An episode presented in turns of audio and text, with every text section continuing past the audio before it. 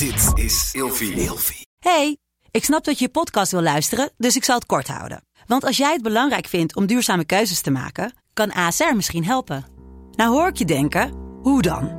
Nou, bijvoorbeeld bij het duurzaam herstellen van schade. Of de premies die we beleggen volgens ons duurzaam beleggingsbeleid. Dat bepaalt waar we wel en juist niet in investeren. Wil je meer weten over welke duurzame keuzes ASR maakt? Ga dan naar asr.nl slash duurzame keuzes. ASR doet het.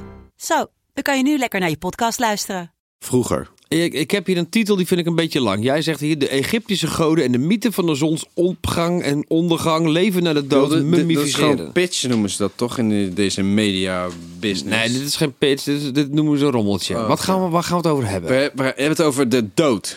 De dood. Ja. Oh. Mummificeren en het dodenboek en je hart wordt opgegeten.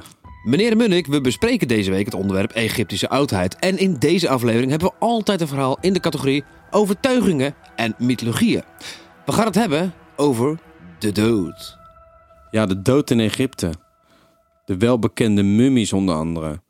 Maar ook het dodenboek. In het dodenboek staan spreuken die met de overledene mee moeten gaan, die hem of haar in het hiernamaals moeten beschermen. Je gaat namelijk een strijd leveren. Als je dood bent, kom je voor 24 rechters terecht. En die gaan een oordeel vellen. Of jij zondes hebt begaan, of je een beetje je best hebt gedaan in het leven. Dit tribunaal oordeelt en vervolgens wordt je hart gewogen.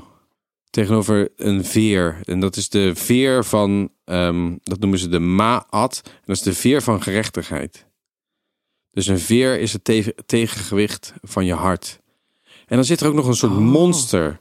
Komt daar de uitdrukking veer in je reet steken vandaan?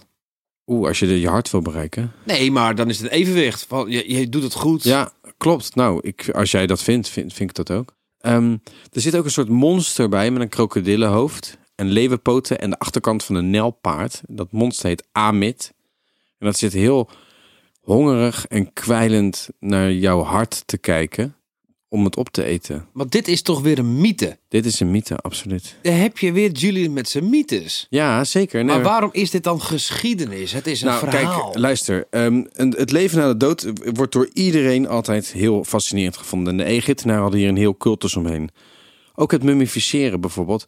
Wist je dat ze de hersenen met een haak door je neus haalden? Wist ik. Ja. Maar En dan werd vervolgens met een incisie in je zij... werden dus alle ingewanden eruit gehaald. En die werden in potten bewaard op sterk water, een soort Ja? van. En dan werd je dus ehm ingezwachteld. En je werd ook een beetje gebalsemd. Maar wat dus wel grappig is, is dat... Het schijnt dus dat sommige technieken elkaar een beetje tegenspreken. Dus je kan iemand uitdrogen. Of je kan iemand een beetje, zeg maar, balsemen. Maar dat zwachtelen, dat, dat hoeft dan, dan Wat ook is weer niet. zwachtelen? Ja, dat is iemand gewoon helemaal... eh, Ja, alsof je jezelf in wc-papier... Oh, dat is dan, dan ziet het Ja. als een mummie, zeg maar Ja, zeggen. dat is echt... Hoe wij het kennen uit de films. Ja, Oh, precies dat. En ehm, ja, het, het is... eh, Wat is een mythe? het, ja, het, zeg maar de reis door, naar het dodenrijk. En, en het leven, hè, het hiernamaals en wat je daar allemaal voor moet doen. En daarom kreeg de, zo'n farao zoveel mooie spulletjes mee in zijn graf. Want dat had hij allemaal nodig in het leven na de dood. Tot morgen. Vroeger.